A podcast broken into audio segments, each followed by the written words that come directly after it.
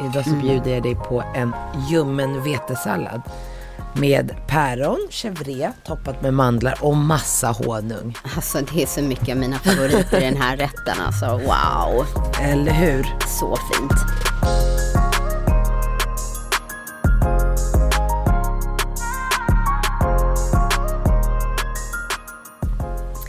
Du, jag promenerade ju till studion idag. Ja. Alltså det var så fint väder och jag lyssnade på ett eh, väldigt intressant eh, samtal på eh, mobilen. Och då tänkte jag att den här låten är ju så passande. Ska vi se om du kan lista ut vad jag, vilket ämne jag lyssnade på.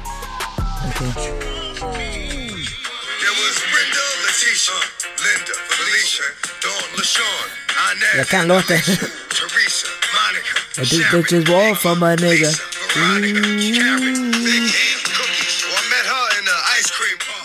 Jag har ingen aning. Otrohet. Nej, jag lyssnade på ett avsnitt av eh, polygami. Aha. Ja, och aha.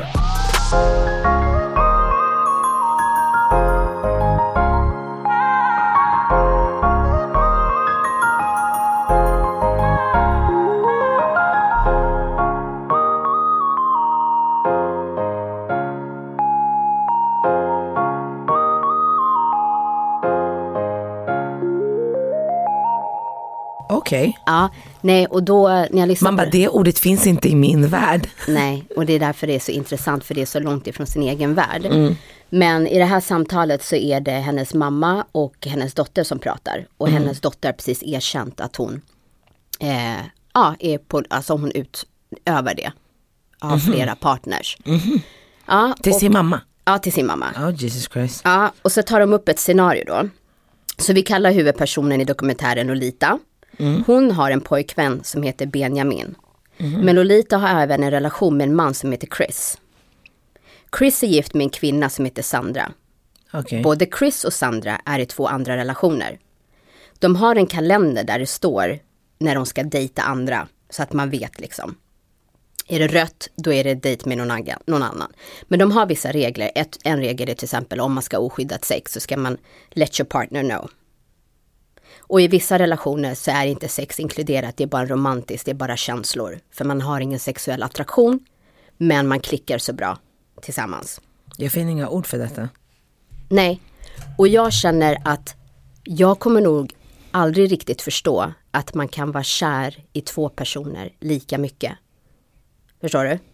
Men när jag lyssnar på det här så min åsikt ska ju inte stå eh, ska ju inte blocka någon annans levnadssätt. Förstår du vad jag menar? Om de säger att det känns rätt och det är så för dem, då är det ju så liksom. Ja, 100 procent. Ja, men för mig känns det lite som att man rymmer från sina problem. Förstår du? Du är tillsammans och gift med en person och så kanske du känner att han inte uppfyller alla dina saker. Istället för att jobba tillsammans på de bitarna, då går du och träffar någon annan som kanske uppfyller de sakerna. Jag hade ju en bekant som, eh, hon var gift, hon hade fått två barn, de kanske var fem och någonting. Och sen så en dag kände hon bara, nej men jag vill äga min kropp. För hon kände att i relationen till honom så ägde han hennes kropp. Hon kunde inte göra det som hon ville eller om hon träffade någon som hon kände den här, du vet, passion, attraktion. Så hon sa till honom, hon bara, jag vill, jag vill vara fri. Jag vill kunna göra det jag vill. Eh, antingen så skiljer vi oss Mm. eller så you just tag along with that bullshit. Mm. Och han, han tag along med det där. Men- Och då låg han också med andra. Nej, det tror jag inte. Nej, inte okej. Vad jag förstod så gjorde han inte det. S- Så, ja men vi åkte på en resa Mm. och då skickade han med henne en kondom och sa så här, Bara men- en, gud vad snålt. Ja. och var så här, ja men typ enjoy. Så hon tindrade ju därifrån där vi var i Spanien. Och ehm, till slut så hade en spanjor kollat upp henne på Facebook och sett att det stod på Facebook att hon var in a relationship and married och att hon hade två barn. Så han skrev till hennes man. Jaha, Ja. för han trodde liksom att Han bara, var... bro I just wanna let you know your Mm. wife's over here cheating. Han bara svarade, han bara enjoy my wife. I send, ja, jag skickade med henne en kondom, enjoy that shit. Och sen skickade han konversationen till henne. Men, och, alltså det var så twisted, alltså hon, hon låg med många unga, Mm. de, hon bara såhär, they are hungry, förstår du? Eh, och kreativa och hon bara utforskade under Mm. en period. Och sen så, och sen kunde hon komma hem. Och så kunde hon berätta det för sin man. Och sen låg de med varandra. Mm. Innan hon ens duschade eller någonting. Bara, förstår du? Ja, jag, jag, jag, Idag är de inte längre där. Idag är de, har de jättebra äktenskap. vadå, hon ligger inte med andra? Nej, Nej. det höll på ett tag. Ja, vet, så fick hon år. ut det ur sitt system. Ja, och sen så bara nu är hon med, du vet de bara älskar, tror jag i alla fall. Mm. Som det verkar så är de superlyckliga och lever med barnen. Och it, break, it made them, alltså inte break them. Eller vad det heter. Ja, men för de säger ju liksom att det är mer unga nu som börjar tänka så för att det är så mycket otrohet. Liksom. Så istället för att eh, om du älskar en person och du känner att du vill ligga med andra istället för att göra det bakom ryggen eller så. Så gör man det öppet. Så bara göra det öppet liksom. Jag är från den gamla skolan. Ja, Jag känner bara va? jag, jag I don't wanna share dick. I'm Sandra, and I'm just the professional your small business was looking for. But you didn't hire me because you didn't use LinkedIn jobs. LinkedIn has professionals you can't find anywhere else, including those who aren't actively looking for a new job but might be open to the perfect role, like me. In a given month, over 70% of LinkedIn users don't visit other leading job sites. So if you're not looking on LinkedIn, you'll miss out on great candidates like Sandra. Start hiring professionals like a professional. Post your free job on linkedin.com/people today. Men det måste ju vara fantastiskt ändå. Att ha den friheten. Att så här, ja, alltså för det, finns ju vissa, alltså i det här som de diskuterade, att om du är tillsammans med en kille och du inte är lika sexuell och han vill ligga mycket mer, är det fair att han inte ska få ligga lika mycket som han vill? Brorsan, då måste de ju slut och byta partner. Ja men då istället, då är det så här, men gå ut och gör din grej. Förstår du? Vi älskar varandra. Jag är trygg i det. Då är det ett jättebra koncept. Om det funkar. Jag vet inte, jag, jag gillar verkligen det där att, att jag och min man bara, att det finns vissa saker som bara vi delar. Alltså jag har ju jättebra killkompisar som jag är jättenära med. Men, och man kan vara närmare sin vän, tjej eller killkompis än man är sin man. Men det som define vad som är alltså partnerskap i form av en kärleksrelation, ett äktenskap för mig, det är de här, det sexuella, alltså förstår du? Men det jag inte förstod, det var det här att de har relationer. Det behöver inte nödvändigtvis vara att man är intim. För mig blir det så här, okej, då är det ju en polare. Ja, nej men det, då, då, då gillar ju hon, alltså han eller hon att skämma bort eller bli bortskämd och uppvaktad. Man bara, aha så du får inte det av den du lever med. Så du får inte sex av den du lever med för du måste ligga med andra. Eller varannan onsdag så ska du gå på superflashig dejt där någon skämmer bort dig. Så du får inte det heller, så vad är det du får? Nej, och- är det och att jag- det är jag stabilt inte- ekonomiskt? Nej men jag fattar inte hur de har tid. Alltså ena killen, han är ju gift och sen så har han typ tre stycken andra som han träffar regelbundet. Hur pallar du? Och sen har man jobb på det. Ja men han kanske är bara two minute man. Han bara bom bom tjack, sen är han klar. Typ. Så han lägger 30 minuter på det, det är fan kortare än ett jävla gympass, det hinner man väl med. Men jag tycker det var väldigt fascinerande. Och sen också det här samtalet mellan, eh, i den här intervjun då, mellan mamman och dottern. Att få reda på att din dotter vill inte ha den här traditionella eh, relationen bara mellan två personer utan är öppen att dejta flera, ha flera sexuella relationer. Hon var ju väldigt lättsam i det. Så här, ja, det, jag, jag lever inte så. Jag förstår hur du tänker. Jag vill se den här diskussionen med min mamma. Mm. Jag skulle bara, vet du vad jag borde göra? Jag borde bara ringa henne och bara, vet du vad mamma? Och spela in för att se what the reaction would Men be jag så vi tror att kan din spela mamma upp skulle det. kunna vara så här, ja, ja. Nej, du knarkar Men eller? alltså hon chockar ju ibland. Hon skulle bara, Ja, men kan Alltså- du inte göra det så spelar vi upp det. jag ska göra det. Alltså hennes ögon skulle snurra till himlen och tillbaka. Nej, hon, absolut inte. Ja. Och sen hon bara, ja om det är så du känner då ska du göra det. ja, det är det jag säger. Nej! Jo, jag nej, kan tänka mig det. Nej, Ja. nej, nej, nej, det tror jag inte. Nu blir jag rädd om hon skulle göra det. Ja, men jag kände när jag Då hörde jag den här diskussionen mellan mor och dotter, då kände jag så här, wow vilken värld vi lever i. Det är liksom, det är så jävla modernt. Det är inte Alltså, modernt. Vet du, vad, vet du vad den här världen är? No limits. Ja, men, Det all- finns inga gränser här. Jag flyttar tillbaka till araber. Jag pallar inte. Nej men jag känner så här, det finns inget eh, to fight for längre. Förstår du? Det är så här, ja, ah, jag får inte det här i min relation, då hoppar jag dit, tar in den här personen. Eh, alltså allting ska effektiviseras. Alltså det vet vi bara med mobilerna, du kan klicka hem, du har saker hemma på två sekunder. Allting bara, allt du vill kan du få. Ja men det blir för tillgängligt allting. Allting är tillgängligt. Alltså jag kommer ihåg för typ 6-7 år sedan när de här Maria, ja men det var någon sajt i alla fall som encourage you if you wanna cheat this is the site to be on.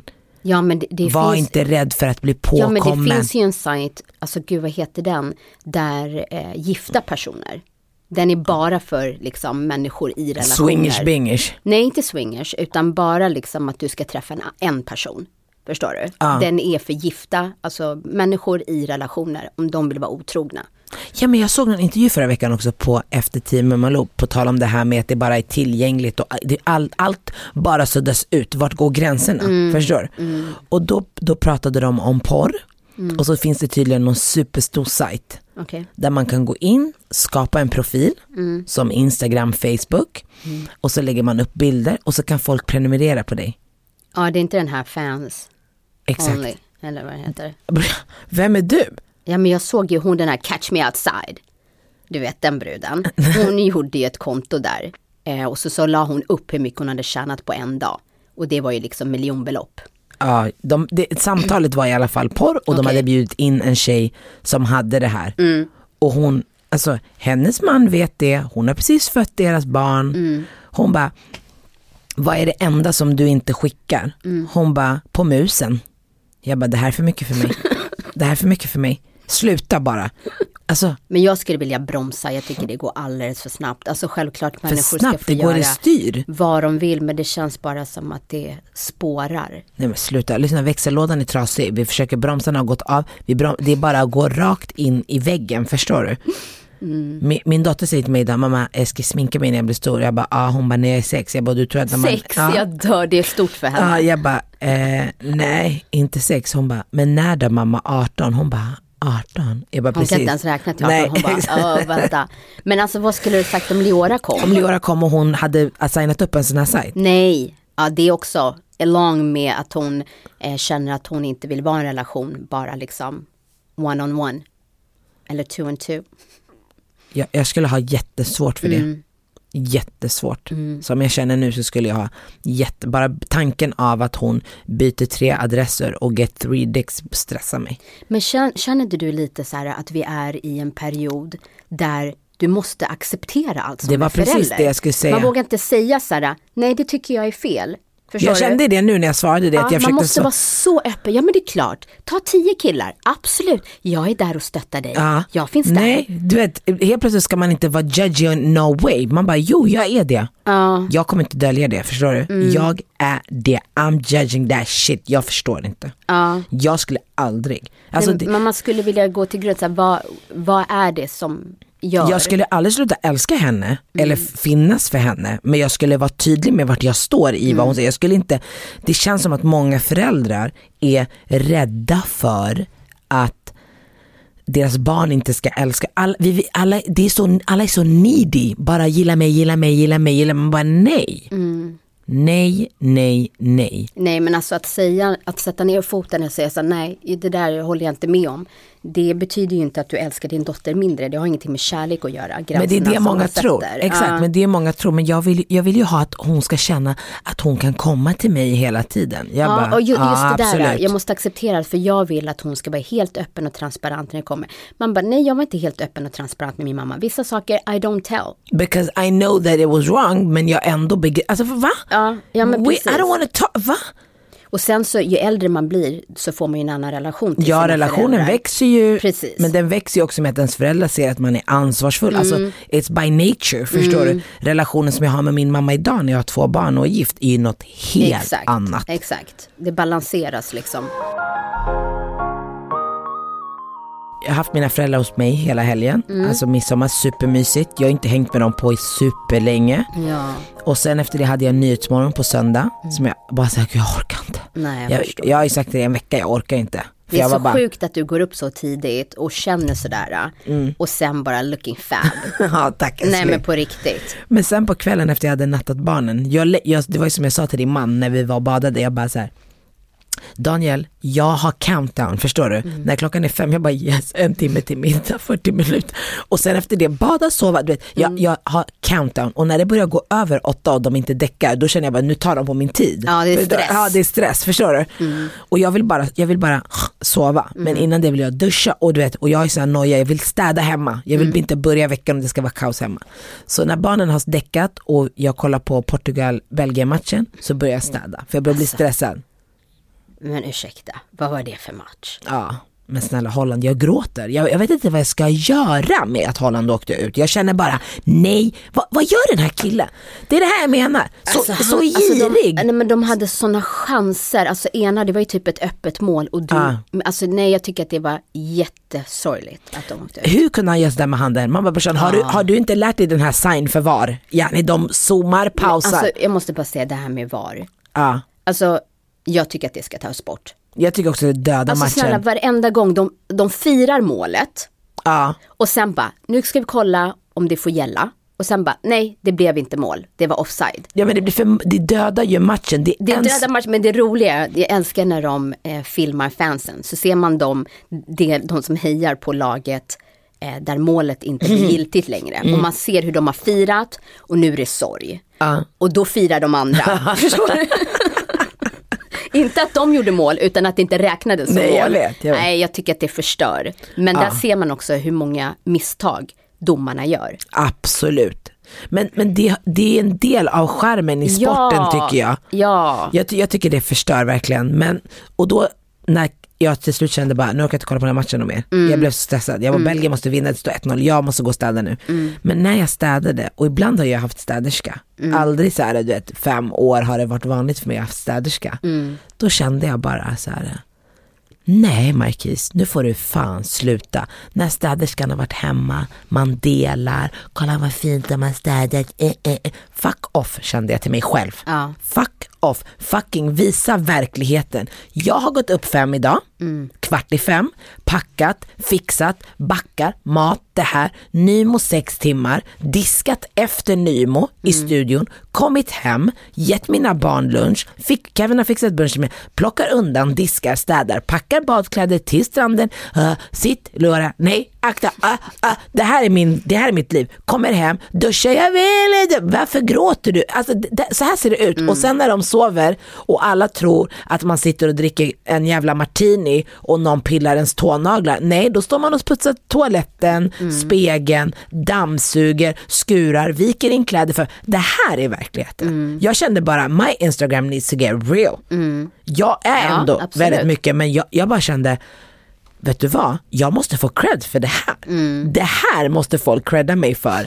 Att jag går från det här uh, fucking orange ögonskugga, bara glam, backa till att khadama, städerska, bara skrubba. Alltså, det här är verkligheten. absolut. Jag kände bara nej, Det är så det ser ut. jag skaffar inte en ung jävel till, förstår du? Jag gör inte det för mitt liv.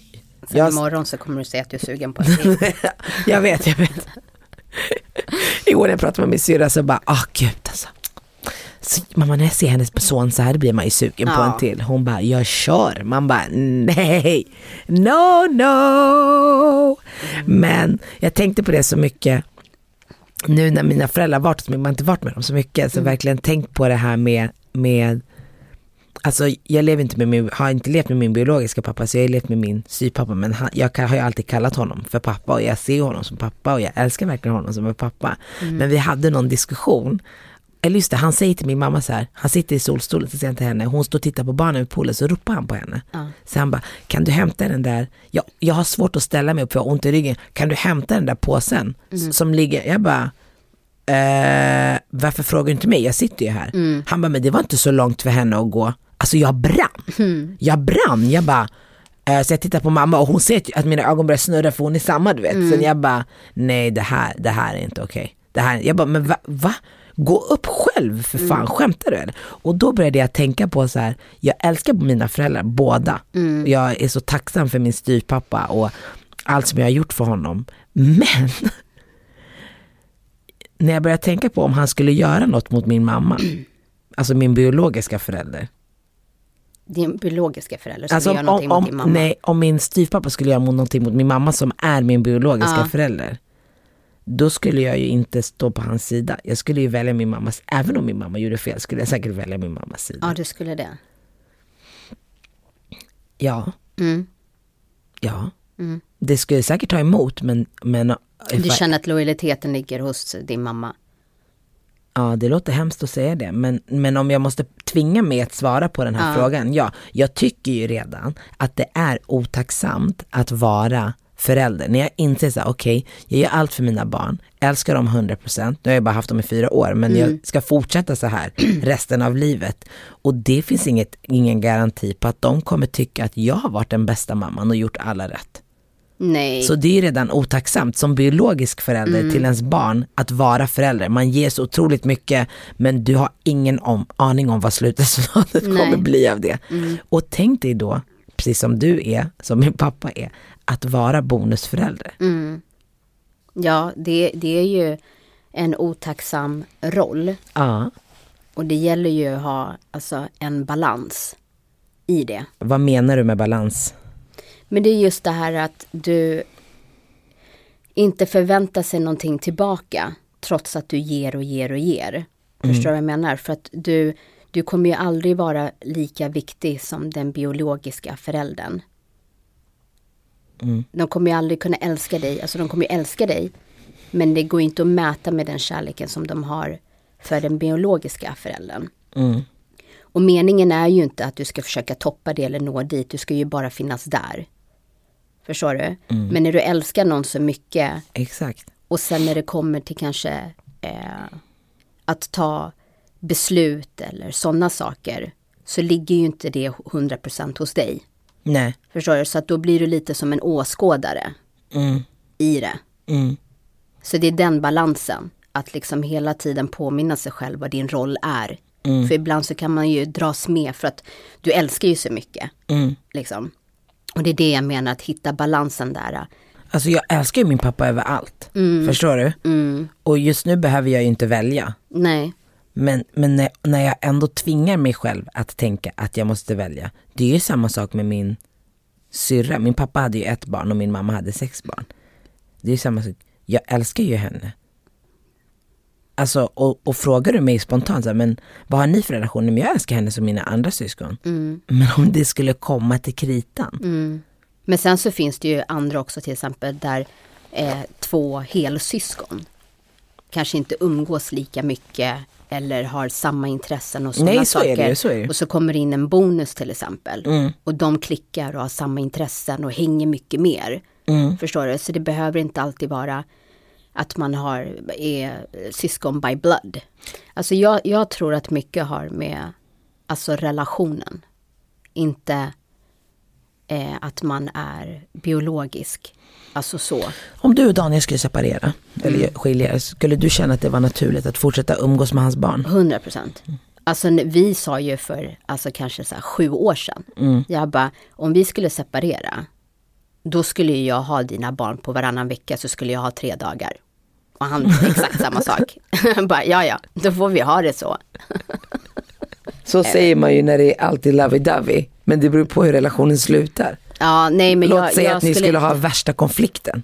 Ja, nej men för att vi båda har visat gång på gång hur vi alltid sätter barnen före. Mm. Eh, att hur mycket man har svalt. Alltså, Så att det, det Alltså- ligger i, alltså vi skulle aldrig göra något sånt mot varandra. Och jag har ju funnits i Leon och Joshuas liv som de var två och fyra år, idag är de 16 och 18. Mm. Så det skulle vara jättekonstigt att jag inte skulle ha en relation till dem om vi skulle separera. Mm. Och samma sak med mina barn, alltså de är ju som alltså, syskon, de kallar ju Mm. varandra för bröder. Liksom. Så det skulle vara jätteonaturligt att Mm. inte fortsätta umgås. Mm. Vi ser ju dem som varandras liksom, men däremot så det är därför jag tycker det är så extremt viktigt att när man träffar någon som har barn, Mm. att man verkligen dejtar, tar sin tid. Mm. Så att det verkligen känns rätt innan man blandar in barn. För det finns ju vissa liksom så här, de träffas, blir jätteförälskade, drar in barnen, flyttar ihop. Och sen så kanske det håller två år. Liksom, och då har du tagit in barn i det här och du kanske har fått en jättebra relation till hans eller hennes barn. Då är det inte bara kärleken, alltså förlusten i honom utan det är även barnen. Ja, nej herregud. Så att jag, jag tycker det är jätteviktigt att man, och sen oavsett, alltså om ni tar er tiden och dejtar kanske ett eller två år innan ni drar in barnen, så är det ingen garanti. Nej, det finns Men då har du i alla. Mm. fall gjort det du kan för att minimera situationen, för att barnen får en bra relation till eh, din partner, så är det en jättesorg för dem också. Mm. När det tar slut, att inte ha den personen i ens liv. Så jag tycker att man ska vara försiktig med att presentera barnen så snabbt. Ja, skulle mina föräldrar bestämma sig för att gå isär, Mm. då skulle jag ju inte sluta prata med min pappa. Nej. Men det, jag menar om det fanns något extremt i relationen, Mm. då skulle det ju vara betydligt lättare att välja. Men Ja. jag skulle ju aldrig, om de, jag brukade säga när jag var barn, så Mm. men om, om, ni, om du lämnar honom mamma, då vill jag bo med honom. Mm. Hon bara, va? Det till hennes marockanska hjärna bara, va? Typ att det är mer frihet där också. Ja, nej, ja. Bara Hon bara, jag den- ska till Marocko tre månader. Alla bara, bam, dun, dun, dun. Mm. pappa är hemma, yes! Så kunde han ju säga sen när vi tjafsade med honom om hon var borta. Nu är hon borta och vi alla är on vacay, Mm. förstår du? Då är det viktigt att vi hjälps åt och respekterar varandra. Mm. Jag bara, vad menar du vi alla? Han bara, jag med. Jag bara, okej. Ja. Ja, så jävla roligt. Hey, I'm Ryan Reynolds. At Mint Mobile, we like to do the opposite of what Big Wireless does. They charge you a lot, we charge you a little. So naturally, when they announced they'd be raising their prices due to inflation, we decided to deflate our prices due to not hating you. That's right. We're cutting the price of Mint Unlimited from $30 a month to just $15 a month. Give it a try at mintmobile.com slash switch. $45 upfront for three months plus taxes and fees. Promo rate for new customers for limited time. Unlimited more than 40 gigabytes per month. Slows. Full terms at mintmobile.com. Hiring for your small business? If you're not looking for professionals on LinkedIn, you're looking in the wrong place. That's like looking for your car keys in a fish tank. LinkedIn helps you hire professionals you can't find anywhere else, even those who aren't actively searching for a new job but might be open to the perfect role. In a given month, over 70% of LinkedIn users don't even visit other leading job sites. So start looking in the right place. With LinkedIn, you can hire professionals like a professional. Post your free job on linkedin.com/people slash people today. Jag måste, det här ser så himla gott ut. Jag har inte hunnit smaka än. Ja, och vi måste sluta smaska, vi har blivit Ja, jag tillsagda. vet, jag vet. Ja. Så vi får äta i, i två slots och sen så får vi snacka i de andra. Ja, det var jättegott. Va, vad har du gjort för att smaksätta det här? då? Jag har ju kokat upp sån här vetesallad och sen så har jag tärnat päron och Mm. sen så har jag fräst dem i lite smör och sen bara cit- alltså lime på. Alltså det är så himla gott för jag gjorde ju någon päronpaj som du hade skrivit Mm. just det. recept på. Alltså det är så gott med päron och lime. Ja, Gud vad det är gott. det är grymt. Mm. Eh, ja, så det har jag gjort och sen så, så har jag ju toppat med massa honung och mynta så att liksom balansera smakerna. Men, men det är limen som är liksom basen. Mm. Men alltså den här chevrén. Ja, jag älskar chèvre. Eh, jag gjorde faktiskt en potatisgratäng igår med chèvre. Ja, det är så jävla Ja, gott. det är jävligt gott. Men hur har du gjort så att den är så krispig på ytan? Alltså jag, du vet när vi brukar gå och käka, alltså typ restaurang eller man går på café, då har de ju alltid att den är så, gud får den så jävla crunchy upp Ja, till, så där mjuk där inne, man tycker det är så jävla, så man bara dr, dränker med honung, man bara det här är så jävla gott.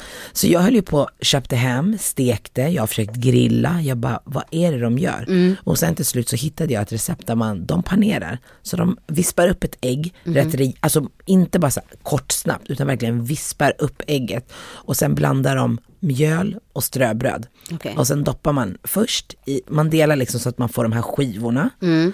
Eh, och sen doppar man först i ägget och sen i ströbrödet och sen så steker man i smöret. Så att man får den här krispiga ytan och sen låter man det vila. Alltså jag älskar. Så det är med smör och inte olja. Ja, smör är livets liv. Ja, gud, det är jättegott. Så, så får man den krispiga ytan. Ja, Ja, det är intressant det här med, med alltså just bonusfamilj. Jag kommer ihåg när jag kollade på den här serien Bonusfamiljen, jag bara du vet, man, det finns så många igenkänningar när man kommer från en bonusfamilj. verkligen. Och så hur mycket man kan störa sig på vissa karaktärer också. Ja. Man bara, nej men snälla. Kan han man, vet, det blir direkt läger, Ja. vem som stör sig på vad. Ja. Direkt blir det. Ja, nej men jag, jag pratade ju med en tjejkompis Mm. eh, förra veckan. Eh, och det är så himla roligt för att alla kommer till mig som har så här problem med bonussituationer. Man har ju levt ett par år i en sån situation. Nej, men hon, hon träffade ju the love of her life för typ tre år sedan. Eh, och den här mannen, han har en nioårig son från en tidigare relation. Och hon har en dotter på fem år. Eh, så de dejtade och sen nu har de liksom flyttat ihop. Okej. Eh, och den här sonen, alltså hans son, han har jättesvårt för henne och hennes dotter. Varför? Eh, nej men han är så här, alltså pappan har ju varit singel i ganska många år innan han träffade henne.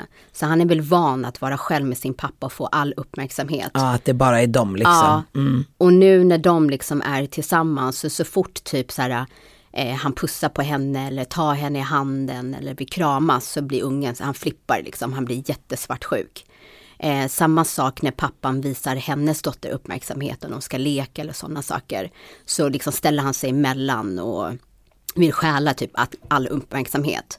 Eh, och han, sonen visar inget intresse för att liksom lära känna hennes dotter eller henne liksom. Och det här ställer till det ganska mycket i deras relation.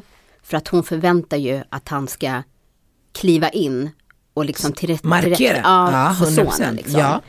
Och det här har ju då nu skapat liksom konflikter mellan dem. Där hon känner så här, hon är inte trygg och hon känner inte att det är hennes plats att säga till hennes son, eller hans son, förstår du? Och i och med att han inte backar upp henne eller tar steget själv så blir det väldigt svårt i den här relationen för att han har ju varannan vecka med sin son och hon har heltid med hennes dotter. Ja, lite som du och Daniel har haft. Ja, exakt. Ja. Så att nu hon så här, alltså de har varit tillsammans i tre år och problemet har liksom inte löst sig och det blir inte bättre. För deras barn kommer inte heller Nej, alltså de har ingen relation alls för han är inte intresserad av att lära känna henne eller eh, min tjejkompis då. Eh, och nu har det gått tre år, hon känner så här, hur länge ska man liksom hålla på? Nej men hon måste ju ställa krav på pappan, på hennes partner. För så är det ju, alltså hon har ju blivit förälskad i partnern. Alltså det var inte superlätt för mig eller liksom jag kom, alltså jag var rätt chill men det var ändå så här, vi hade levt rätt många år, bara du vet, jag, mina sex syskon och mamma, vi reste, vi gjorde liksom, alltså allt, vi var värsta unity. Sen så träffade min mamma min pappa, alltså styvpappa. Och så kom han in med hans dotter, förstår du? Och det, de yngre tyckte ju bara det var kul, now we have a nobody. Och att han, de, de var liksom inte där. Men jag vet att jag och mina två äldre syskon, det var inte helt lätt att bara anamma, förstår du? Och det var ju inte, när vi gjorde roliga saker så var det ju nice. Det var mer den här tiden som försvann som man hade haft med mamma. Alltså du vet, vi kunde sova med henne, nu kan vi inte sova med henne. Eh, du vet, på kvällarna, vi kunde sitta och glo på film eller du vet, alltså man däckade i soffan. Men helt plötsligt så blev det liksom regler. Andra regler. Och det kan man respektera idag när man själv har barn. Så, Okej, som jag sa tidigare, så här, men okej, now they need to go to sleep, vi behöver vår egen tid. Men då var det så här, men vadå, vi har ju Här kommer han och förstör. här tar han våran tid. Det är en annan sak när man växer upp med båda sina föräldrar och man vet om Det är från så från början. början. Mm. Exakt. Så det var ju massa saker som inte på en gång klaffade. Mm. Förstår du? När han skulle säga till mig första gången, jag bara, eh, okej. Vet, jag var inte helt bekväm med det. Jag vet att min storasyrra var inte heller det, eller min bror. Det var så här, varför ska du säga till mig, alltså när man har fått den här som vi pratade om förut, ah, men vem är min pappa? Ah, men jag är din mamma och din pappa, så man bara, eh, så vem är han? Vet när han kommer in, man bara, så vilken roll ska han ha? Bara så vi vet liksom, vad är liksom konstellationen här? Så det är ju svårt, men min mamma var ju liksom, hon var väldigt tydlig från början och det var inte så här, men gumman, alltså du vet. Hur känner du? Hur känner du? Ja, du vet ju mamma älskar dig men mamma älskar också honom. Det var inte det där snacket. Alltså det, det, det var bara, det här är vad det är. Han- Hon hade inte ens diskussionen, hon lyssnade ju självklart på och det blev ju konflikter vad man ska säga. Men det var fortfarande att de var unity. Det är de ju fortfarande, de står superenade. Så att här behöver ju hon kravställa på sin Ja, och partner. jag känner att det är så här viktigt att han pratar med sin son och liksom att förklara att kärleken och bandet som jag har till dig, Mm. det är en helt annan, eh, ett helt annat band än vad jag har till, till liksom Lisa. Hittar vi Ja, på. eller bara nu är vi Det- familj, jag älskar henne, det här är vad som kommer vara, det här är vad jag förväntar mig av dig. Bara set rules. Mm, men framförallt att de ska vara enade, för det vet jag att jag och Daniel hade ju liksom inga sådana här problem.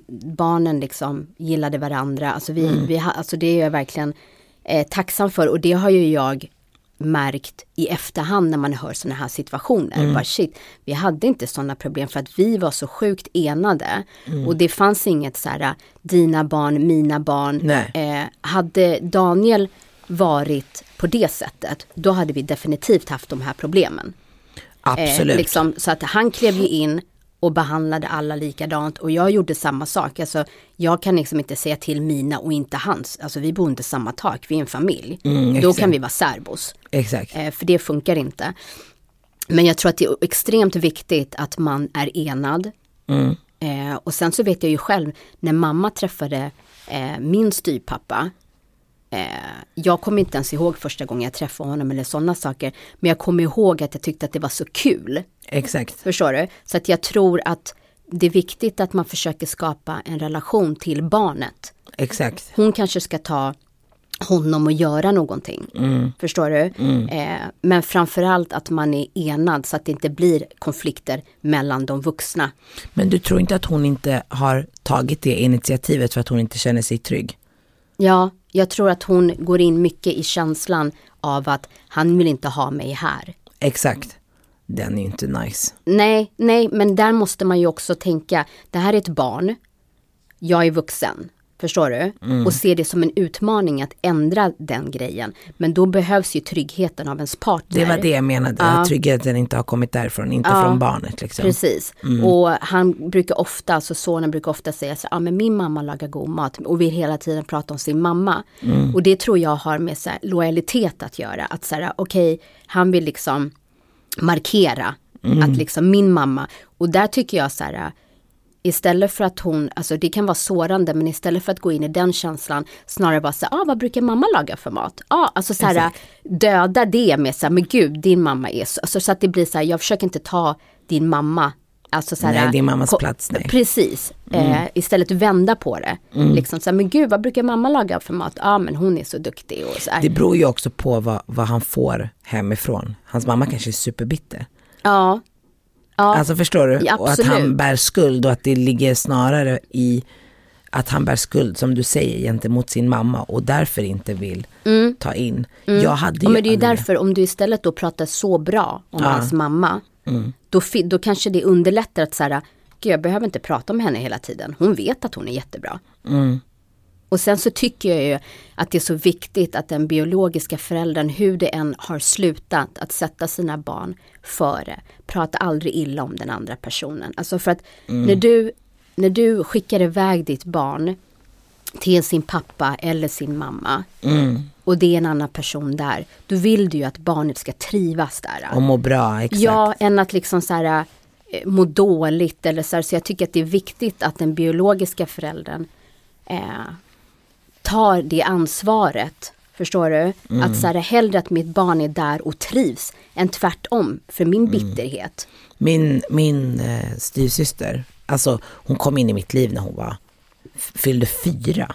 Så det är inte så, ja det är väldigt liksom 30 år av mitt, alltså 31 år av mitt liv så har hon ju funnits där. Men jag förstår ju att det var svårt för henne. Hon kom själv, vi var sex. Eh, jag vet att hon någon gång har sagt att hennes mamma har sagt så här, ja, de är inte dina syskon. Mina föräldrar var jätteduktiga på att skapa, precis som du och Daniel, den här unity mellan oss.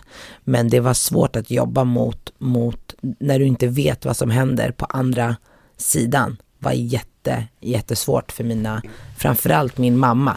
Men precis som du säger, min mamma fokuserade på henne och relationen med henne och idag så kallar hon ju min mamma, alltså för mig var det ju lättare att kalla på ett sätt min styvpappa för pappa. För att jag har ju aldrig levt med min biologiska pappa så jag har ju levt heltid med honom.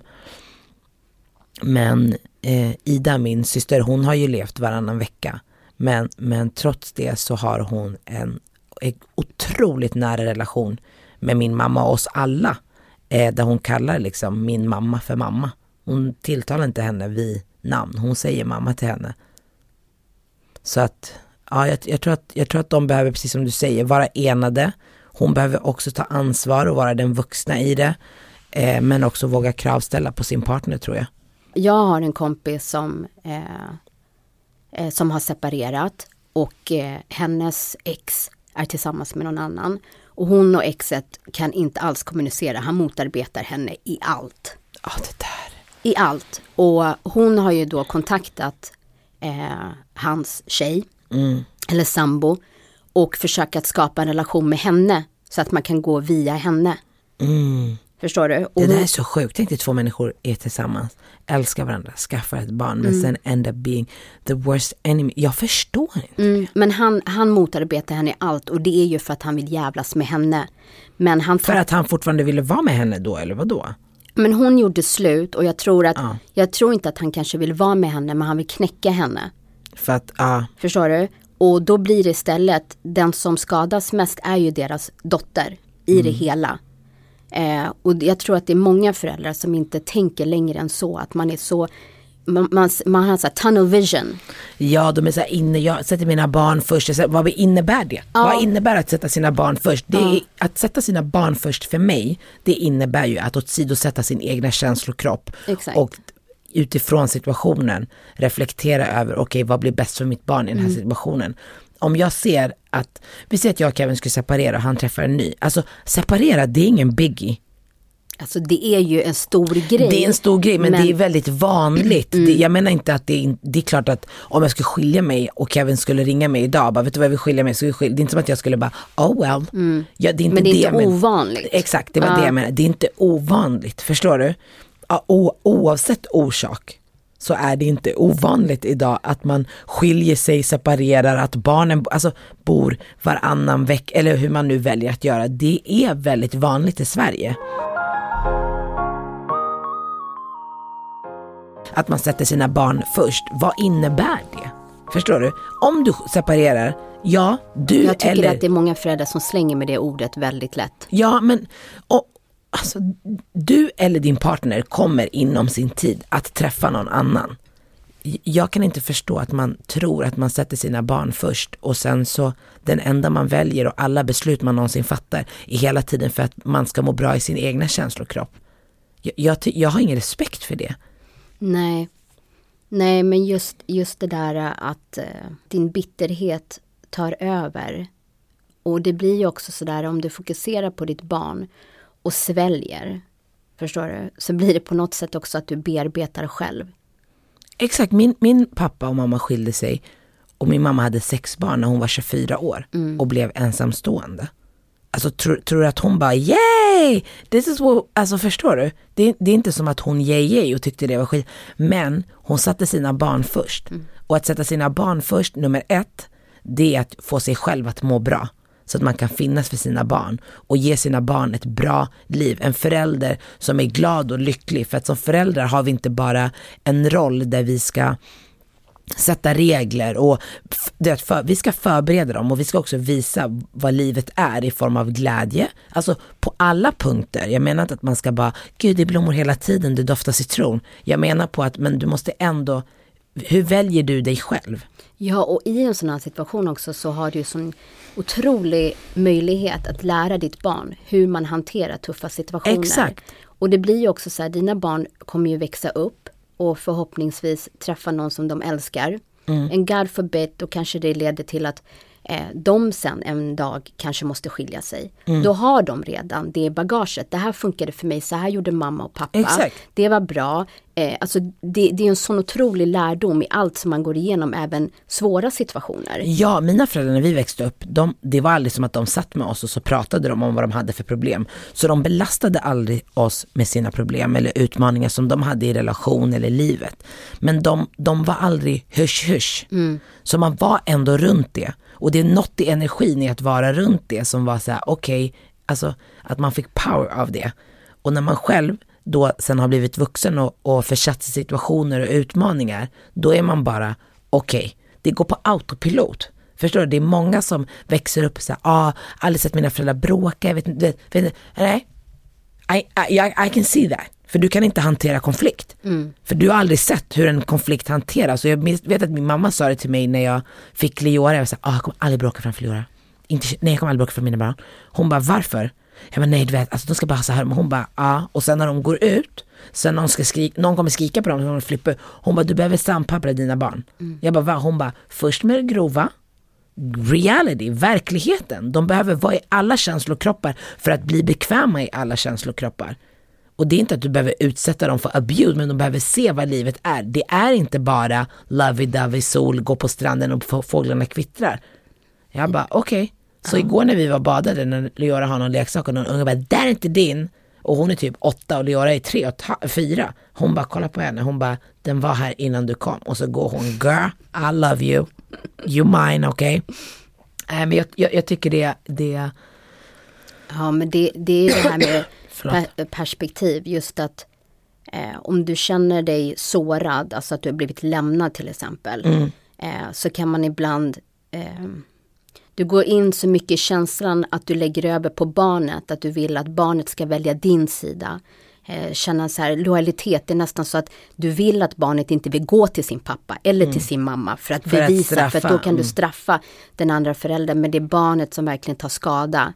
Mm. Eh, och jag, jag, alltså jag tycker verkligen så att sätt känslorna åt sidan, försök att skapa en relation till bonusföräldern. Mm. För i allting med regler och så här, man vill ju inte att det ska vara så stora skillnader på de olika nej, hemmen. det är jätteviktigt. Så att om du har en bra relation och sträcker ut handen eh, till även bonusföräldern till exempel, så är det så mycket lättare att få igenom saker. Förstår du? Att det känns som ett hem på båda. Liksom, det, det är inga stora kontraster mellan de olika hemmen. Nej. Eh, så jag tycker verkligen att eh, verkligen jobba på dig själv för att nå dit där du kan lyfta blicken och se helheten. Hellre att ditt barn går någonstans och liksom kommer hem och pratar så bra om bonusföräldern.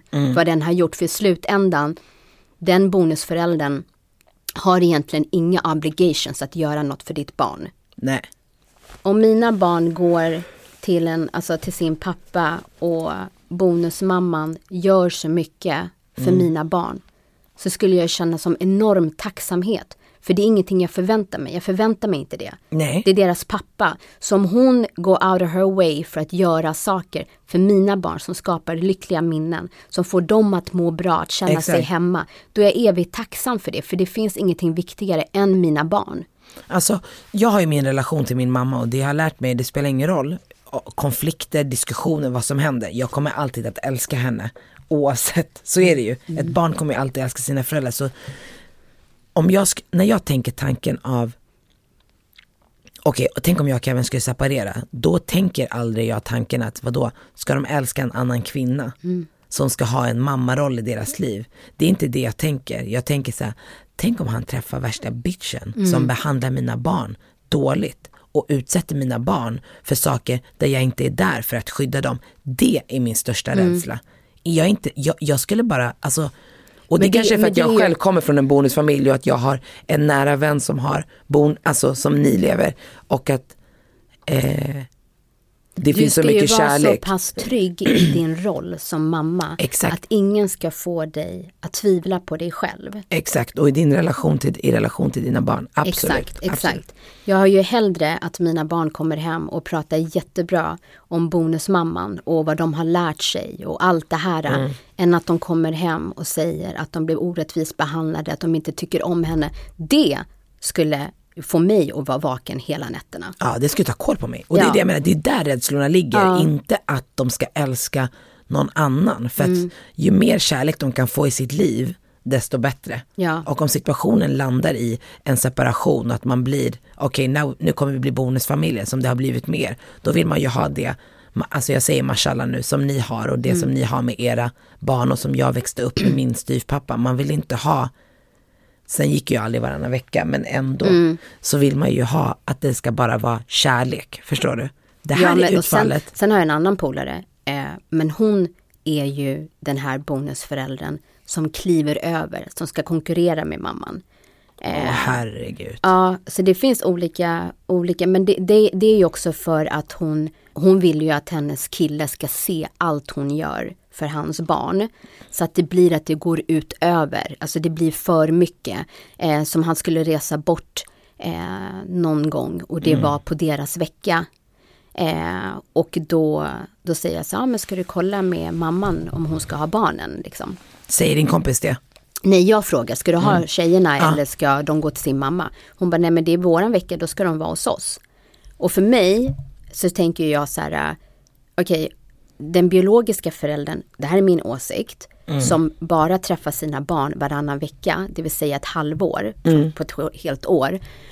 Om den biologiska föräldern åker iväg, för mig blir det automatiskt att självklart om, om mamman vill ha barnen på vår vecka när Daniel åker iväg så ska hon självklart få göra det. Självklart. Och jag vet, jag, Men där går hon emot att säga nej det är våran vecka, då ska de vara hos oss. Förstår du?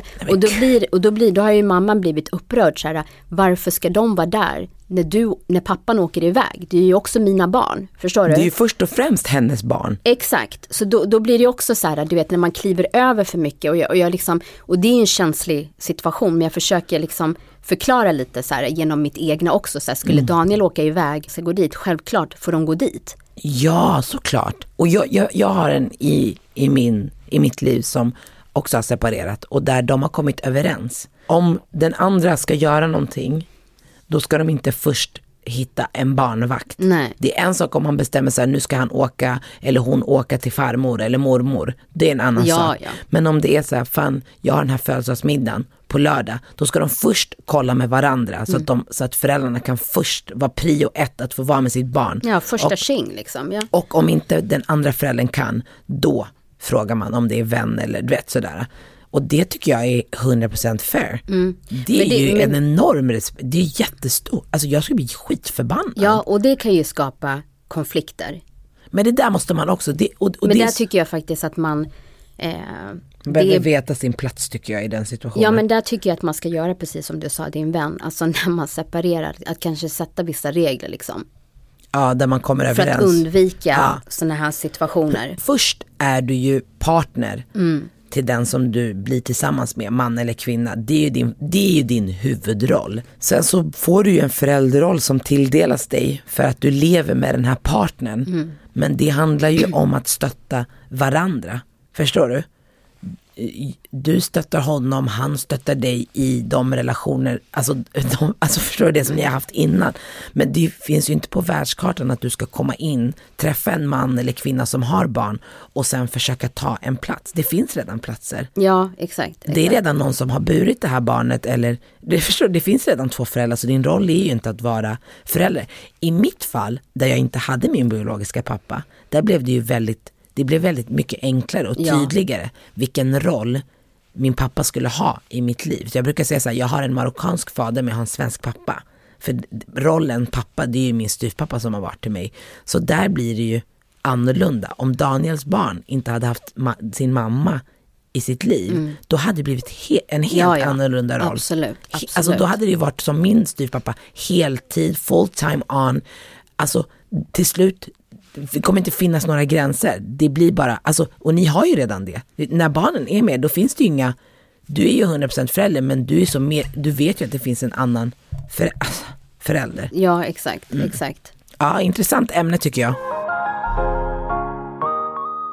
Nej, jag vill inte smaska. Det var ju någon som skrev också Marquis Ja, men släpp det nu. Nu har vi ju inte gjort det. Nej, jätteduktiga vi var. Ja, Jag har svalt utan att tugga. hela bitar. hela bitar. Ja. Men sådana här ämnen kan göra mig lite stressad. Man bara, sen man kanske mot Gud förbjuda står där en dag, så man bara, ja, är den här jobbiga jäveln.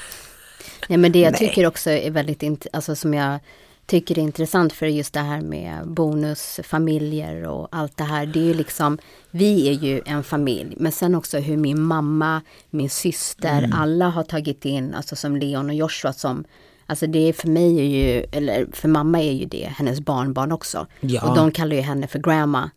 Eh, så att, och jag kommer ihåg när eh, vi åkte iväg på en skidsemester. Eh, då var det jag, Daniel och alla barnen och vi åkte iväg med Daniels föräldrar. Och så kommer jag ihåg att så här, de bjöd oss på det här. Och de bjöd verkligen på allting. När jag skulle gå iväg och köpa glass så kom Daniels mamma och bara Nej, nej, nej, nej, jag ska betala för det här. Och jag kommer ihåg när vi skildes åt och så skulle jag eh, skulle vi säga hej då. Jag kramade henne och alltså jag började gråta för jag var så otroligt tacksam över att hon eh, inte särbehandlade. Förväntar du dig att hon skulle göra det?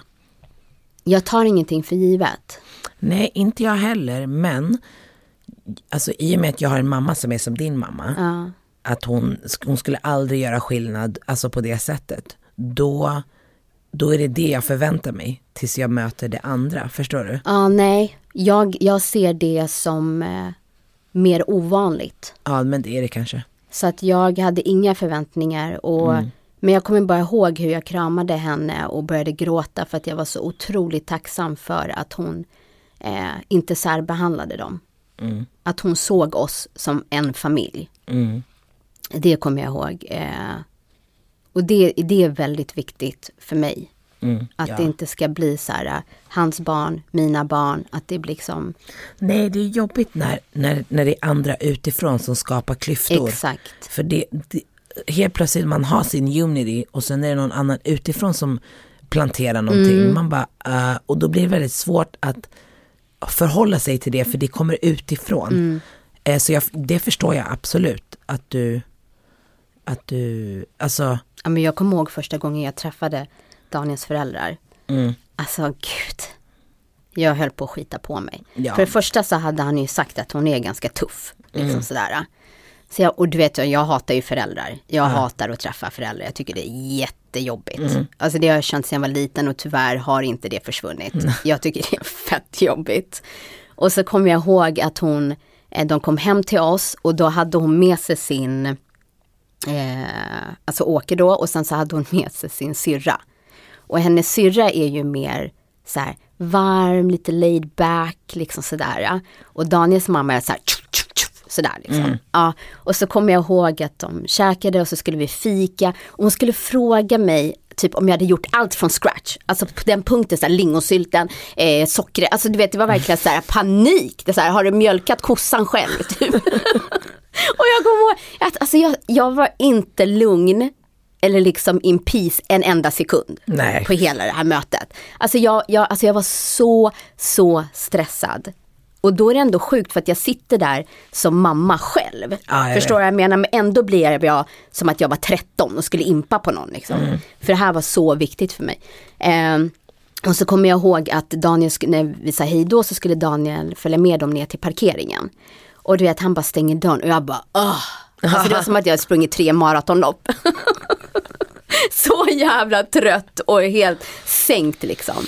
Eh, och Ah, då ringer också- han upp mig efter fem minuter så här, när han var på väg tillbaks. Han bara, Åh nej men min mamma älskade dig och hon tyckte att du var så varm och fin och ah, det var så mycket positiva saker och jag bara, eh, var vi på samma ställe? Alltså va? Ursäkta? men jag kommer ihåg hur det var verkligen så här, wow. Ja, Det, det var så jobbigt möte och hon tyckte att jag var helt fantastisk och jag gick där i tre timmar och tänkte liksom att nej hon hatar mig, alltså det här går inte bra, vad ska jag göra? men vad då gjorde hon någonting eller var det bara du? Nej men det var hennes jargong för hon är väldigt så här rak, du, du, du vet sådär och sen att hon skulle fråga mig så här, har du gjort det här själv? Har du gjort det här själv? Så kändes det liksom Man som bara, att, var är din checklist?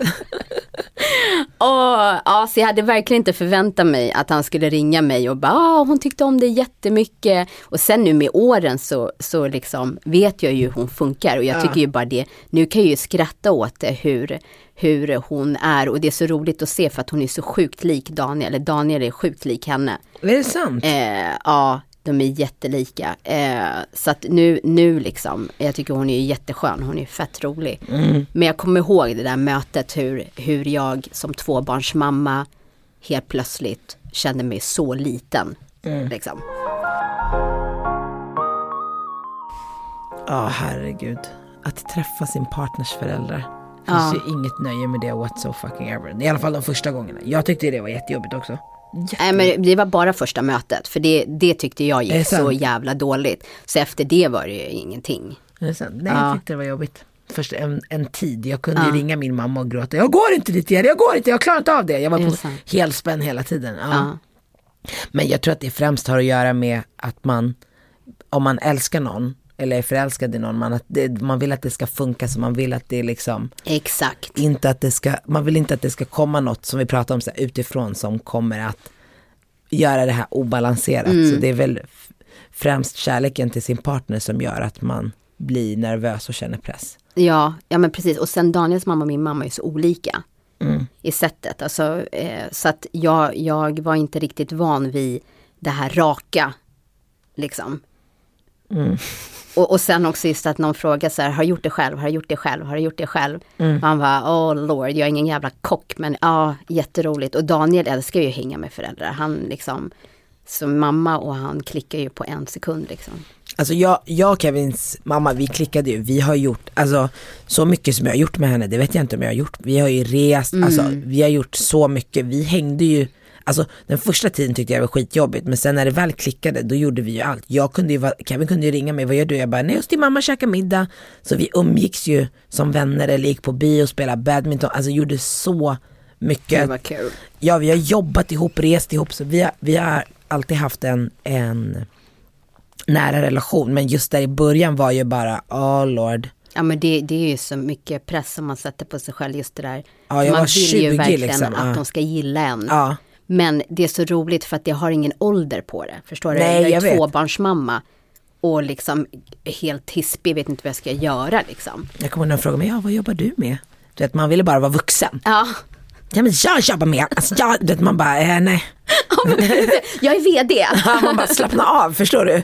Det är, så, det är som att bios, liksom, man bara, man borde ta det lugnt, man behöver inte stressa. Men själv var man bara, ja men jag är redo, liksom, jag är perfekt, jag Jag är är så ansvarsfull Ja. och jag, ska, jag kommer verkligen höja din sons liv.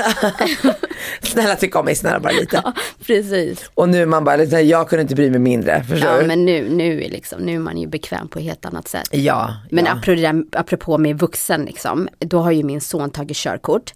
Och jag har liksom varit på honom att han ska ta det här körkortet och när det börjar närma sig, då, då slutade jag säga till honom, för då fick jag panik. Jag bara, men gud, tänk om när han tar körkortet och han är ute i trafiken.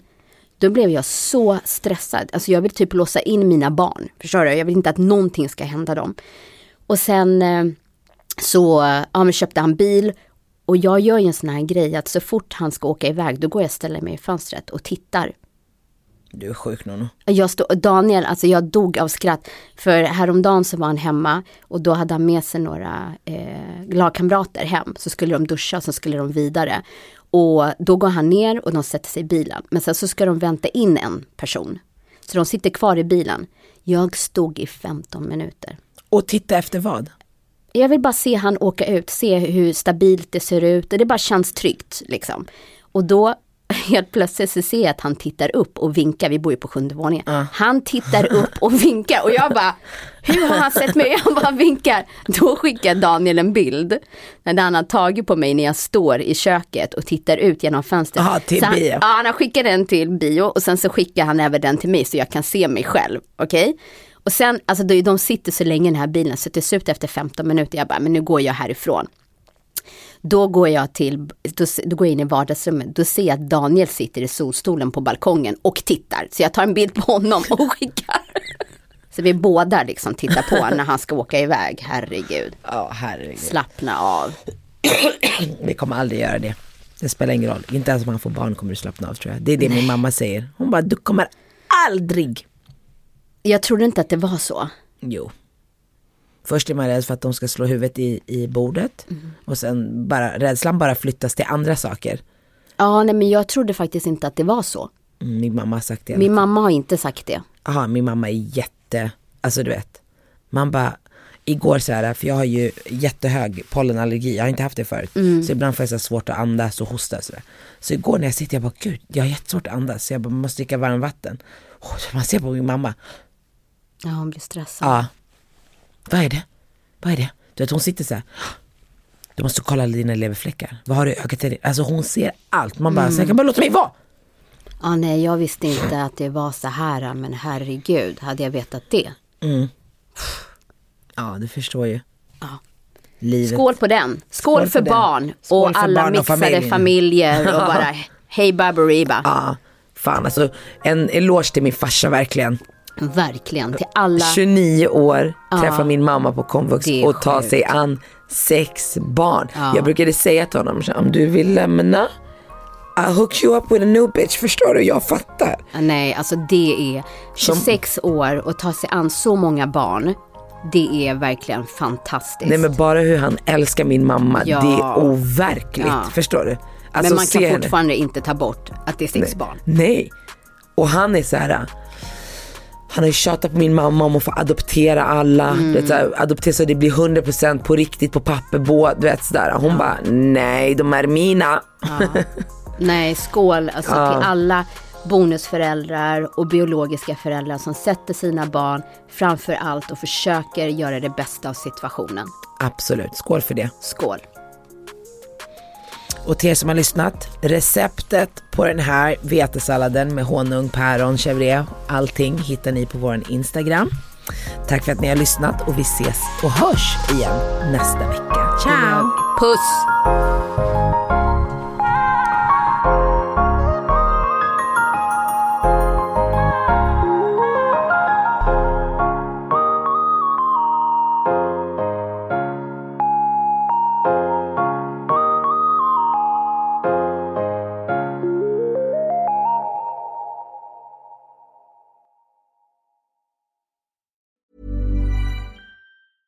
Cool fact a crocodile can't stick out its tongue. Also, you can get health insurance for a month or just under a year in some states. United Healthcare short term insurance plans, underwritten by Golden Rule Insurance Company, offer flexible, budget friendly coverage for you. Learn more at uh1.com. Hi, I'm Daniel, founder of Pretty Litter. Did you know cats tend to hide symptoms of sickness and pain? I learned this the hard way after losing my cat, Gingy. So I created Pretty Litter, a health monitoring litter that helps detect early signs of illness by changing colors, saving you money and potentially your cat's life. Pretty Litter is veterinarian developed, and it's the easiest way to keep tabs on your fur baby's health right at home. Go to prettylitter.com and use code ACAST for 20% off your first order and a free cat toy. Terms and conditions apply. See site for details.